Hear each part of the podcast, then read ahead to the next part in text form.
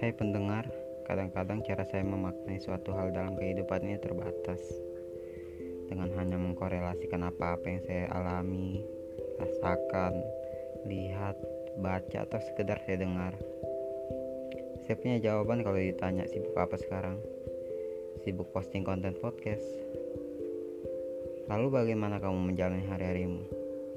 Apakah rutinitas sering kali membuatmu berkata ah atau hah atau anjing atau apa pun yang bernuansa piu dan huk semoga tidak ya.